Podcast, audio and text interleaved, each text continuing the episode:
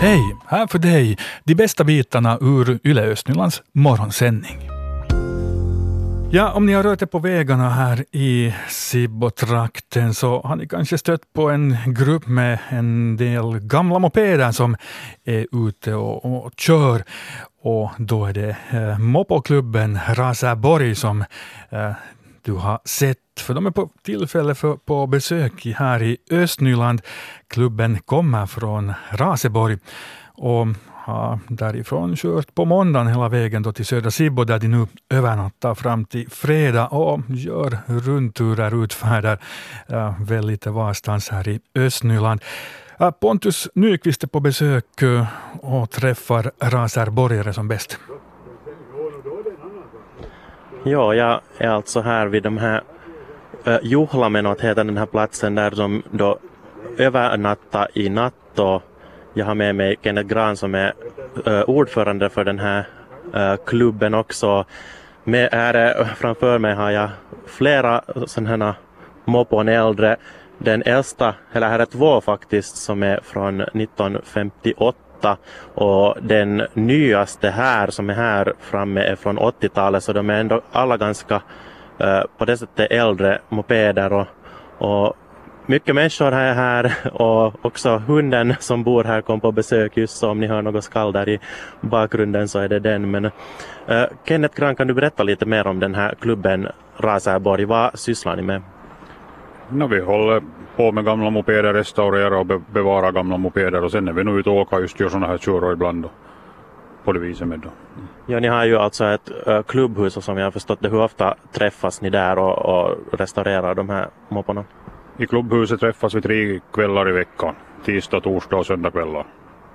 Och du berättade tidigare till mig att ni har över 300 medlemmar så här totalt. Um, och nu här i, idag är ni 15 som har kört hit. Det där, hur, hur liksom, vad är det som lockar med den här tror du? No, det är väl charmen med de här gamla mopederna och till åka på så nu är det väl det som lockar egentligen. Ja, och vad är liksom, jag funderar här just att varför just mopeder? Jag tänker när de, man kan ju inte köra så hemskt hårt med dem. Att varför inte till exempel motorcyklar? Att varför har ni valt mopederna? No, det vet jag nog egentligen men att någon ska väl hålla på med mopederna. Och det är nog just vi ute så på det viset så att, och det är ju, man ser ju ganska bra, man kör ju sakta runt och då, då hinner man ju se på, på omgivningen och när man är ute och åker på det viset. Ja, nu har ni ju då kommit hit till Sibbo. Hur tycker ni om det att köra runt här med moped? Är det lätt eller svårt? Hur går det? Det har nog gått riktigt bra, inte har det varit något, något bekymmer alls på det viset. Och vart ska ni, vad ska ni göra idag? Vad är dagens plan nu? Dagens planen är nu att när vi är till frukost så kommer vi till starta kanske efter nio där och så ska vi fara till Tirmo dit till ett utombordsmuseum och besöka det. Och sen in i Borgå och åka lite och innan vi kommer tillbaka sen så det är ju som dagens planer. Ja, om vi kan titta lite på de här mopporna som ni har här. Kan du berätta lite om din egen? Din var från 1982. 82. Och den har också en sån här tunna där bak. Kan du berätta lite mer om, om det här? Och den är tunna den och sådär på skoj lagad den att jag har nog lite regnkläder och, och sånt i den som fall man behöver om det börjar regna så. Och det är någon sån där rolig grej till, till ha efter lite. Ja, det, ser lite, det ser ut alltså som en sån här trätunna som man förvarar öl i. Men Och sånt jo. Ja, den var, eller jag vet inte vad det har varit, vad det har vi egentligen i tiden, det vet inte jag. Silltunnor fanns ju, det kan ju vara en sån och jag vet inte alls vad den har varit till från första början. varifrån har ni då köpt era, de här mopederna? Och för att som sagt de är ju då av äldre modeller och så här. Och det, det, det var medvetet val det också såklart. Det var medvetet val jo. Nu har det nog funnits lite till köpa här och var och alla har nog nästan varit mer eller mindre i dåligt skick att de är ju renoverade och restaurerade på det viset. Mm, så ni har liksom, för att ni träffas ju då och restaurerar det så då kanske det lönar sig att köpa lite äldre mopeder så att man faktiskt har något att restaurera då. Nå så är det, så är det. Och hur är det alltså, den här, din är en Tunturi, den är röd till färgen också och sen är här lite andra också. Kan du berätta lite om de här andra modellerna som finns här? Till exempel den här från, här är en som är från 1958, den är ju, börjar ju bli faktiskt gammal. Den är från 58 år, den, den heter Puck den. där kanske Göran kan berätta mer om den som, som är ägare till den egentligen. Ja, jag ska gå fram där till Göran. Vad heter du i efternamn? Göran Sjöberg. Eh, Kan du berätta lite om den här? Den är alltså från 1958. Den är den, en av de äldsta som är här på plats. Jo, det finns nog ännu äldre som det här faktiskt, men att det här är den äldsta som vi har med, som är med här nu. Och det här, den här är renoverad, det var nästan ett skrot när jag började med den. Det är ganska sällsynt i Finland, de här. I Sverige var de ganska allmänna, men här, finns, här finns det ganska få och då. Sällan man, sällan man möter en likadan. När var det alltså du, när har du köpt den här? Ja, då den, kom, den kom som ett skrot att jag kom över den på det sättet och att jag hade, det var en, det är sex år sedan jag renoverade den. Jag har varit fem år med i klubben här nu. Eh, hur länge tog det alltså att eh, restaurera om den var helt skrot som du sa? Jo, no, inte var det halvt år ungefär så. Så tog det. Det var lite jobb till att skaffa delar, att de, reservdelar, att de fick man från Sverige mest. Att här finns nog inte Finland något reservdelar till en sån här. Ja, just det. Ja, det där. Jag ska gå tillbaka där till Kenneth Gran igen. Hur är det? Imorgon så ska ni ta er tillbaka till Raseborg. Ja. Hur länge tar den här sträckan i och med att ni kan ju såklart då inte köra på motorvägen? Nu far det nog... Nu kan vi nog nästan räkna sex timmar med pauser och sånt. Det far det nog. Oj, det var längre än jag faktiskt på något sätt förväntade mig. Om det går bra att inte får något sönder och så, så, så, så sex timmar får vi nog räkna med nästan. Nu, hur är det om det regnar? Påverkar det här er körsätt något? Nå, nu påverkar det ju lite förstås. Nu gör det ju det, men att regnkläder på bara så får man fara till det något desto mera.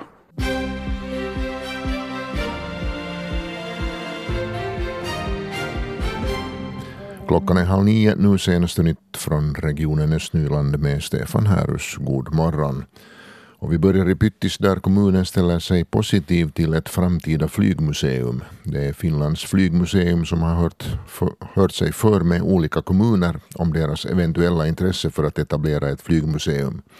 Nu har Pyttis kommun och bolaget som driver flygfältet i kommunen tillsammans utarbetat ett svar.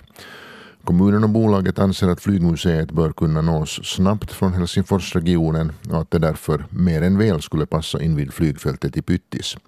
Idag ligger flygmuseet invid Helsingfors Vanda flygstation. Kommunstyrelsen i Pyttis behandlar frågan om flygfältet vid sitt möte på måndag. På tisdag avbryts vattentillgången i Isnäs i Lovisa. Vattnet är avstängt mellan klockan 9 och 17. Orsaken är att vattenledningsnätet spolas och det här på grund av att hushållsvattnet blir svart och bildar fällningar i hushållens kärl och lavoarer. Orsaken är att det lösgörs mangan i det kommunala vattnet.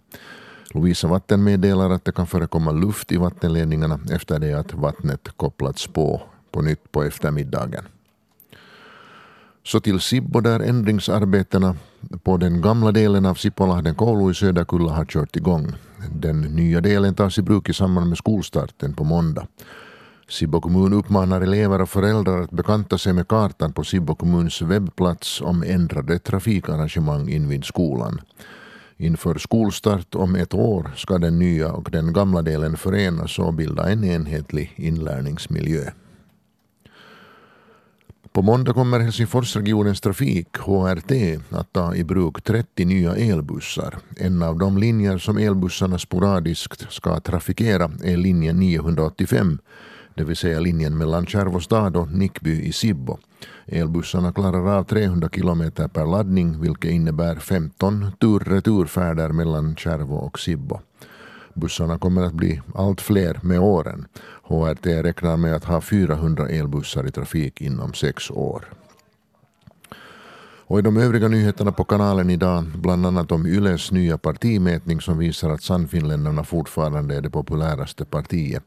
Det går också bra för regeringspartiet De gröna som går framåt med 0,8 procentenheter. Och ännu vädret. Molnigheten växlar idag och lokala regnskurar kan förekomma. Det kan också åska. Dagens högsta temperatur mellan 18 och 22 grader. På Finska viken sydlig vind mellan 1 och 5 meter per sekund. Nu, ni som fiskar, nu ska ni eh, spetsa öronen, lyssna noga, för i Sibboviken råder det nämligen fiskeförbud från och med augusti till sista november. Och under den här tiden är det alltså olagligt att fiska eh, på området. Och fiskeförbudet det har väckt diskussion på nätet och en del eh, personer där vet helt enkelt inte varför det är olagligt att fiska på Sibboviken. Och vissa tycker att förbudet är onödigt. Vår reporter Pontus Nyqvist ja, han har pratat med Gabi Lindholm som är verksamhetsledare för Borgå Sibbos eh, fiskeriområde.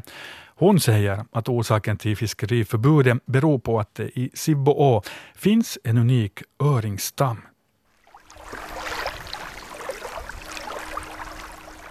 För tillfället är det ganska lugnt här vid Sibboviken. Det enda som hörs är vågornas skvalpande och just körde här också en motorbåt förbi men i övrigt är det lugnt och stilla. Inga fiskare syns till.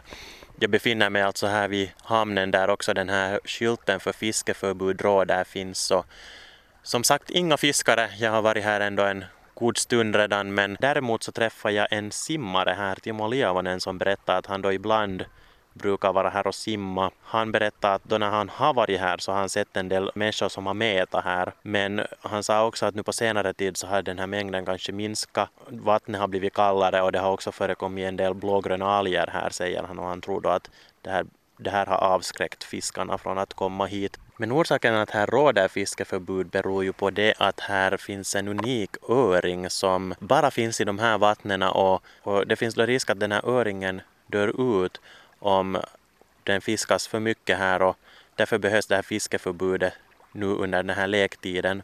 Men Gabi Lindholm som sköter om verksamheten här vid de här fiskevattnen i Sibbo och i Borgo får berätta mera.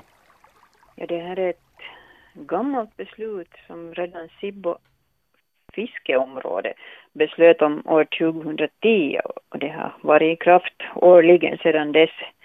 Och det beror på att där i Sibbo å lever en ursprunglig öringstam som är utrotningshotad. Och den är genetiskt unik.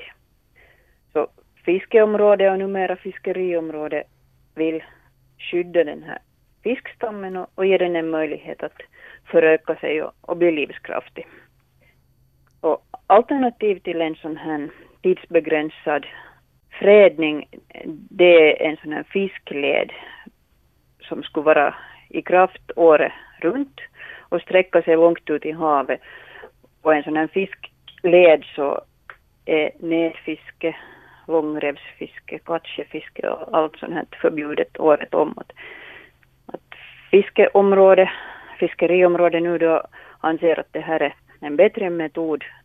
Det ger öringen det skydd den behöver under den tiden det behöver och gäller allt fiske. Och det här är ett sätt som också de här regionala fiskerimyndigheterna understöder. Ja, kan du berätta lite liksom just kring um, den här tiden då som det är fiskeförbud där för den här rödingen. Varför just då? Alltså vad, vad gör den här rödingen för tillfället då? Uh, no, öringen den stiger upp i Sibbo för att leka, för att föröka sig. Och, och det här sker någon gång under hösten. Och olika fiskar har lite olika tidtabell förstås också, beror på väderleksförhållandena dessutom. Och den sätter sin rom här uppe i, ån på hösten och fisken kläcks på våren och så lever den två, tre år här i ån och sen leker, och växer upp sig lite och sen simmar den ut i, i havet på födovandring. Och, och sen när det är så dags efter några år i havet så om det funkar som det ska så kommer den tillbaks till, till sin hemå och, och läker i sin tur. Du sa att den här öringen är genetiskt um, speciell. Kan du berätta lite mer om det? No, det har i tiden funnits en, en stark öringsstam som är präglad av, av Sibbo å, att den finns inte den här samma stammen någon annanstans, att den är liksom helt unik. Och eftersom den inte finns i odling någonstans så, så enda sättet att, att skydda den det, det är att den då skulle få stiga upp och föröka sig i lugn och ro och inte, inte bli bortfiskad här när det, både på den vägen inte vad kan i värsta fall hända om människor ändå fiskar där? Det är öringen vi vill skydda och ju fler öringar som tas bort under den här lekvandringen så ju sämre mår stammen ju den kan helt enkelt i värsta fall helt dö ut just den här stammen, öringsstammen. Och det här sa alltså Gabi Lindholm som är verksamhetsledare för fiskeriområdena i Sibbo och Borgo. Äh, fiskeförbudet i Sibboviken gäller från den 1 augusti till den sista november. Reporter här var Pontus Nyqvist. Och på vår webbplats uh, har vi uh, en artikel kring det här med vackra bilder där från Sibboviken och um, ja, den har rubriken Utrotningshotad öring. Orsaken till fiskeförbudet i Sibboviken, den är helt unik.